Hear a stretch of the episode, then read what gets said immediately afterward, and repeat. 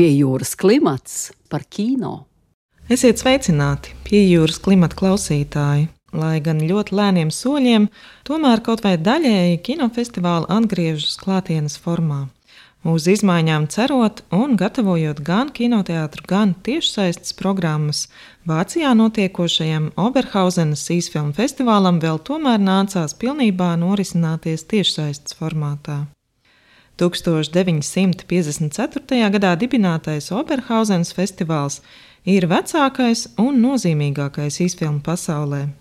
1962. gada februārī tieši tur tika izsludināts Oberhausenas manifests, ko parakstīja 26 Rietumvācijas kino veidotāji. Viņi pieprasīja nodrošināt tādus kino ražošanas apstākļus, kas ļautu vācu kino izrauties no letarģiska miega. Kā atbilde uz manifestu tika izveidots Vācu filmu fonds. Šobrīd Oberhausenas festivāls ir īsā formāta kino veidotāja meka, kuri gadu satiekas inovatīva, eksperimentāla, provocējoša un pārsteidzoša kino veidotāji, kā arī kino kritiķi un kuratori, kurus interesē dažādu kino formu attīstība un to iespējamie nākotnes scenāriji. Festivālam ik gadu piesaka ap 7000 filmu, mākslas darbu, video eseju, mūzikas video, no kuriem aptuveni 500 tiek iekļauti programmā. Nu pat pasniegtas jau 67. festivāla balvas. Grand Prix ieguva Japāņu režisoras Jurija Muraokas filma Caurspīdīga - Es esmu, kas ir viņas pašportrets pandēmijas gada laikā, kurš tapis Izmantojot dažādus kino uzņemšanas veidus, animācijas tehnikas, atrastas filmu lentes, kā arī nekustīgus attēlus. Galvenā starptautiskā konkursa balva aizceļoja pie Ķīnas režisora Sužonga. Viņa eksperimentālā animācijas tehnikā veidotajā filmā 8 minūtes 28 sekundes, kuras centrā ir nemierīga industrializēta pasaule, satiekas Eiropas un Āzijas mitoloģija. Savukārt starptautiskā konkursa žūrijas speciāla balva aizceļoja pie 77-gadīgās norvēģu režisoras Annes Hausjerdas par filmu Vairāk sieviešu, vairāk raudu, kurā viņa ļāvusies poetiskai apcerē par savas dzīves noslēdzošo nodaļu. Uz pirmo sarunu šīs dienas raidījumā aicināju īsfilmu kuratori Annu Začu, kas Oberhausenas festivālu regulāri apmeklē jau teju desmit gadus. Nu, pat kā ir eh, noslēdzies 67. Oberhausenas īsfilmu festivāls, tādēļ uz sarunu pie jūras klimatā aicināju Rīgas starptautiskā kinofestivāla īsfilmu kuratori Annu Začu. Esi sveika, Anna! Sveika, Sanāra! Jā, tas tik tiešām ir ļoti nozīmīgs eh, festivāls visā īsfilmu pasaulē un arī kino pasaulē kopumā. Jo šajā festivālā savus eh, pirmos kino darbus izrādījuši daudzi eh, mūsdienās eh, atpazīstami režisori. Tas ir bijis viņu sākuma punkts. Un šis festivāls ir nozīmīgs nevien tādēļ, ka viņš ir izauklējis šos režisorus, avangardistus, autoru, kino režisorus, bet arī tam dēļ, ka viņš aizstāv tādu svarīgu kino ekosistēmas sastāvdaļu kā īsformāta filma. Viņa garais mūžs un prestižs ir eh, svarīga sastāvdaļa tam, kāpēc citās valstīs arī var norisināties eh, gan šādi īsfilmu festivāli, gan arī īsfilmu veidošana kopumā. Tas ir ļoti dzīves, aktīvs un patiesībā viens no tādiem eh, laikmetīgākajiem īsfilmu notikumiem pasaulē. Vēl joprojām. Un tas ir iespējams tieši tādēļ, ka Oberhausena vienmēr ir bijusi tā saucamajās pirmajās rindās, ejot uz priekšu ar kino, kas varbūt uh, nešķiet gluži kino lielai daļai skatītāju. Tādēļ arī viņu šis kultūras kino sauklis ir jāpiemina, jo Oberhausenas kinofestivālā mēs varam redzēt arī darbus, ko citi sauktu par video darbiem, vai arī kino bez uh, lentes, bez digitāla faila, bez kameras, jeb uh, cita veida baudījumus uz ekrāna.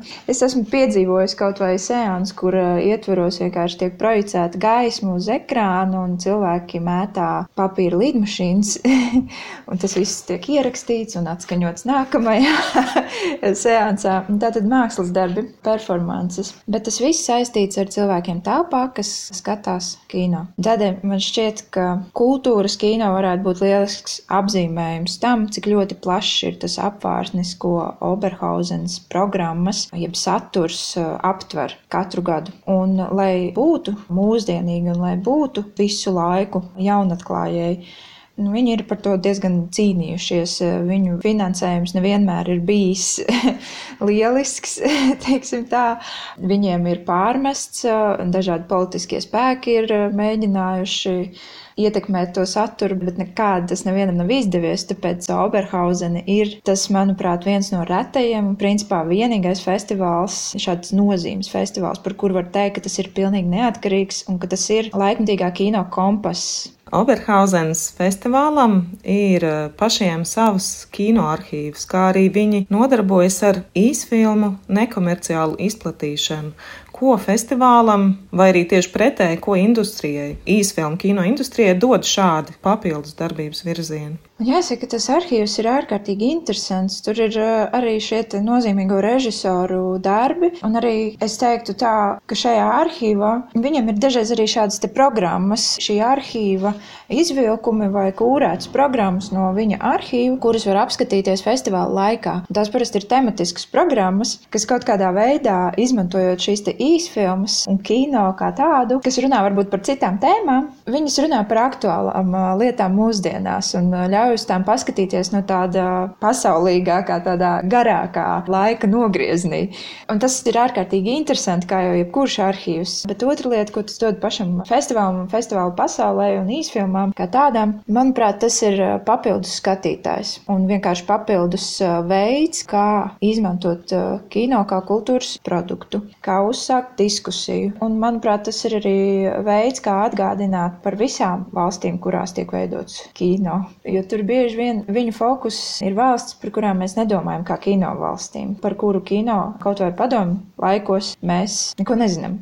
Varbūt mūsdienās kāds autors parādās. Es atceros, bija Slovenijas īsfilmu, dokumentālo filmu izlase pirms pāris gadiem. Bija ārkārtīgi interesanti paskatīties to. Bet man šķiet, ka tas arhīvs strādā arī ne tikai uz tādām tematiskajām programmām. Viņi arhīvā pievieno arī jaunākās filmas, un tad Oberhausen veido tādas ceļojošas programmas. Tagad es vairs neesmu Latvijā redzējis šādas programmas, bet kādreiz bija Oberhausens īsfilmu izlase. Man šķiet, ka šis arhīvs tiek izmantots, lai arī veidot šīs mūsdienu Oberhausens īsfilmu izlases, kas savukārt ir, protams, lielisks tāds vēstnieks Oberhausens un Oberhausens idejas par kino vēstnieks katrā valstī. Kāda ir šī festivāla programmas uzbūves pamatprincipi un vai tie ir būtiski mainījušies laika gaitā?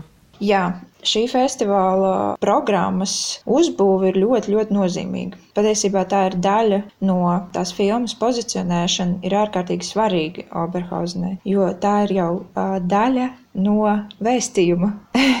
Tātad filmas Oberhausenā tiek izrādītas tematiskajās programmās, arhīvu programmās, tirgus programmā, arī tirgus ir Oberhausenē un, protams, konkursi. Tad, kad es sāku apmeklēt Oberhausenu līdzās konkursiem un tā saucamajai tēma programmu, kas ir eh, parasti dažāda veida eh, vēsturiskās eh, īsfilmas. Pievienojās vienā brīdī tāda programma Profile, kas ir profils. Savukārt tas ir vienam autoram veltīta īsfilmu programma, varētu teikt, retrospektīva, viņa darbu krājums, kuru ietvaros mēs iepazīstamies ar kādu mūsdienās aktīvu autoru. Viņiem ir ļoti svarīgas arī konkursu programmas. Viņiem ir startautiskais konkurss, tad ir Vācijas, tātad nacionālais konkurss, un tad ir konkrēti viņa reģionam atbilstošs nacionālais konkurss. Bet atgriežoties atpakaļ pie startautiskā konkursa, tur savukārt filmas ir no vis tālākajām pasaules malām kur šķiet, ka kino vispār netiek veidots, bet uh, viņi šīs filmas atrod. Un tā ir milzīga vērtība, kas vēl no tām programmām. Viņas mainās atbilstoši tam, kā mainās kino ainava. Un tagad uh, viena no jaunākajām parādībām ir fakts, ka Oberhausen ir viens no četriem festivāliem, kas ir izveidojuši This is Short platformu, kas ir uh, vairākus mēnešus pieejama VOD platforma, kurā var skatīties aktuālākās īsfilmas. Tātad šo četru festivālu kopdarbs šajā platformā visi četri festivāli kopīgi ir izveidojuši arī konkursu programmu, kas vairāk fokusējas uz digitālo, mūsdienu digitālo īsfilmu. Tātad īsfilmu, kas vislabāk ir skatām uz maza ekrāna, nu, aptuveni tā. Viņi vienkārši pasvītro faktu, jā, ok, uz kino mēs netiekam, bet kaut ko jau var skatīties arī uz nelielu ekrānu. Kā ir veicies latviešu kino Oberhausenā, vai tev ir atmiņā kāds gadījums? Viens no pirmajiem ir Kārlis Vītols un viņa aptumsums, animācijas īsfilma, kas bija iekļauta Oberhausenas uh, starptautiskajā īsfilmu konkursā. Vēl bija Anets Melecas Vilma šodien nestrādā. Animācijas filma iekļauta. Tad mums ir Ieva Epnere, kuras darbi jau, manuprāt, divas reizes ir iekļauti Oberhausenas īsfilmu konkursā. Tad, protams, bija šī balva izlase, Baltika Analog Lab dalība Lab programmā. Tad mums bija Jānis Ansons, ķelnes studiju darbs, kurš arī ieguva balvu. Laila Pakalniņa, protams, viņa man šķiet ir visbiežākais viesis no Latvijas Oberhausenē. Nu, tas ir arī nozīmīgi, un kāds labums no tā ir mūsu pašu latvietim, ir labums tāds, ka viņš ir bijis šajā nozīmīgajā festivālā, vai viņš ir iegūs balvu vai nav. Tāpat ir papildus punkti tam, ka viņš var pēc tam veidot kino. Tātad šis ir tāds nozīmīgs punkts, ko iesniegt eh, līdz ar tavu nākamo projektu. Un, manuprāt, eh, mums ir nevien jāpriecājas par to, ka kāds tur iekļūst, bet arī par to, ka tagad, jā, mēs zinām, ka tas ir tāds papildus punkts tam, ka viņš varēs arī nākamo filmu veidot. Kādēļ tev pašai ir būtiski apmeklēt šo festivālu. Tur var sastapt tiešām visas pasaules speciālistus un, un kuratorus. Tā ir vienīgā vieta, kur es satieku savus kolēģus no ASV, kur mēs varam veidot, eh, piemēram, ar Anthology Film Archives. Eh, tieši tur es iepazinos, un tur arī mēs eh, sākām veidot visādas sadarbības. Un otrkārt, tā ir vieta, kur es tiešām restartēju savu izpratni par to, kas ir kino, kas var būt kino, un man ļoti patīk tas, kā Oberhausen man pārsteidz jābeidz katru gadu. Tā bija saruna ar Anu Začu, bet pie jūras klimata otra viesiņa šodien ir kinorakstu līdzredaktore Elīna Reitere, kas kopā ar kinokritiķiem Fritzi de Jongu no Nīderlandes un Valentīnu Geraldo no Kolumbijas darbojās Oberhausenas Fipresī žūrijā. Elīna, tev bija iespēja vairākas dienas veltīt tikai un vienīgi īsfilmai. Kāda ir tava iespaida, kas šobrīd notiek īsfilmu pasaulē, vai ir saskatāmas kādas sakarības, tendences? Runājot par īsfilmām, arī man pašai regulāri jāpatur sevi aiz rokas un jāatgādina sev, ka īsfilmas vispirms tas nav tikai tās formāts, kurā varbūt režisori pirms viņi sāk uzņemt savas lielās filmas, vienkārši izmēģina savus spēkus, ko viņi var un nedaudz patrenēs. Tas ir patstāvīgs formāts, kurā var eh, stāstīt stāstus visdažādākajos veidos un galu galā īsfilma mūsdienās ir tas pats TikToks, tie paši Instagram story, tās visas ir īsfilmas. Tikai varbūt ar savādākiem uzdevumiem, savādāk veidotiem uzstādījumiem, taču jāņem vērā, ka šie ir dažādi tehnikas līdzekļi, kurus izmanto arī tie paši režisori, kur savus filmas iesniedz Oberhausenē, vai respektīvi Oberhausenes programmā bija arī filmas, kas bija koncipētas kā Instagram story. Līdz ar to tas tehniskais aparāts, nu, nekādā ziņā, nu, neierobežot. Šobrīd vienkārši tā izvēle, kādā tehnikā strādāt, kādus tehniskos līdzekļus izmantot, ir vienkārši ārkārtīgi plaša un tāpēc arī katru reizi skatoties arī Oberhausenas konkursu vai kaut kādu īsfilmu festivālus, vienmēr ir jāpārdomā par to un jāatgādina sev, ka tas ir ārkārtīgi dažāds formāts, un ka tas ir tas formāts, kurā izmēģināt un ieraudzīt tieši visjaunākās tendences, kādas ir kaut kādā vizuālajā valodā, kas ir iespējams īsajos formātos. Savā ziņā šis ir formāts, kas dod autoriem arī daudz lielāku brīvību, jo viņi tomēr nepakļauj šai komerc kino loģikai, kuram ir jāklausās uz skatītāju, jāņem vērā skatītāja vēlmes, lai viņš tur saprastu, jāapkļaus kaut kādiem klasiskiem stāstu un veidošanas principiem.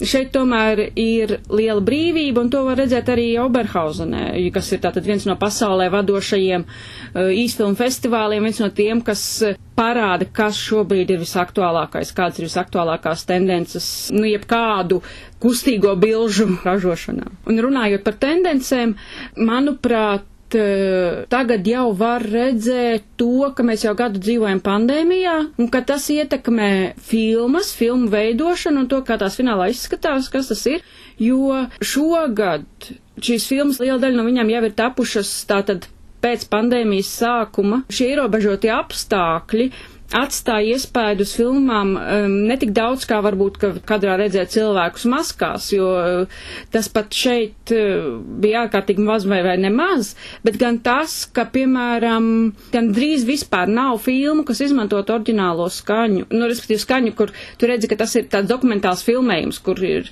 tādā ziņā, es domāju, šajā konkrētajā kontekstā, tie dokumentāli filmējumi, kas ir tapuši vai no uz ielas, vai, protams, telpās, kur eh, ir sapulcējušies kaut kādi cilvēki, runājuši kaut kādus citu autoru uzrakstītu tekstu, vai eh, tas bija kaut kāds dokumentāls sarunas. Šādu filmu gandrīz nav. Tajā konkursā, kur mēs skatījāmies, bija viena filma par cirku. Tā bija praktiski ar zūmā tapusi filma, kur filmas režisors sazinājās ar cirka māksliniekiem visā pasaulē un vaicāja, kā viņiem šos apstākļos klājas, kā viņi turpina uzturēt sevi formā, un viņi tad rāda zūmā, kā viņi trenēja trapeces vingrinājumu savā siltumnīcā. Ja? Tas arī vienīgais.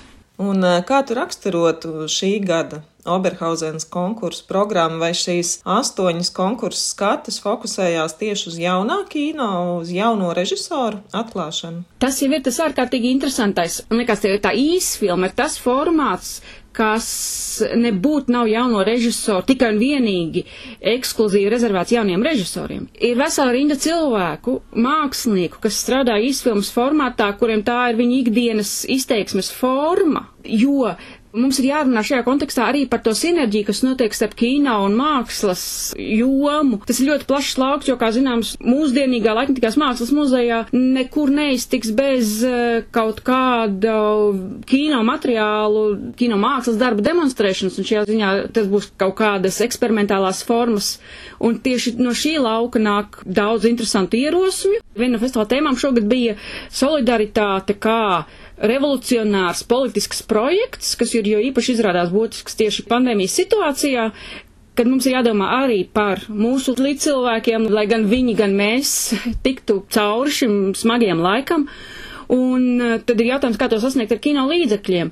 Un Oberhausene ļoti skaidri demonstrēja šo solidaritāti arī šajā nevien formātu dažādībā, bet arī ārkārtīgi lielā tēmu dažādībā. Tieši pirms mūsu sarunas es vēl tagad steidzu noskatīties pēdējās filmas, kas uzvarēja, jo tagad vēl ir nākošajā dienā pēc apbalvošanas ceremonijas vēl var skatīties apbalvotās filmas, tās, kas nav paspēts, un ne no pēdējiem, ko es tagad no rīta skatījos, bija par uh, transpersonām uh, visdažādākajās pasaules malās. Filmas ir līdzeklis, kā parādīt šo pasaules dažādību. Tas nav ekskluzīvi uh, rezervēts tikai konkrētiem kaut kādiem ierastiem stāstiem vai ierastām kaut kādām lomām. Un tieši tā dažādība, tas ir tas, kas iepriecina ļoti. Jūs apbalvojāt uh, Singapūras un Somijas kopražojumu filmu, kurai, kā tu teici, ir visgarākais nosaukums visā Fipresī balvu saņēmušo filmu vēsturē. Latviski variācija par šo nosaukumu varētu būt Ja jūsu ēsmu spēj dziedāt, atnāks mežonīgais kā ēnas caur lapām. Pastāst vairāk par šo darbu, kā arī kādēļ tieši šī filma jums šķita balvas cienīga. Šajā programmā kopā bija 44 filmas. Šī filma bija viena no mūsu favorītēm. Tas ir 25 minūšu garš darbs, kas savā ziņā dokumentē kopumā pavisam 14 dažādus mākslas projektus, kas visi ir saistīti ar vienu ļoti īpašu ekoloģisko zonu Singapūrā, kas ir tikai 10 metrus plata vairāku kilometru garumā, kas ir pamesti jau gadu desmitiem, kur ir šī savu daba ņēmusi virsroku, kur dzīvo arī ārkārtīgi īpaši šim reģionam raksturīgi putni.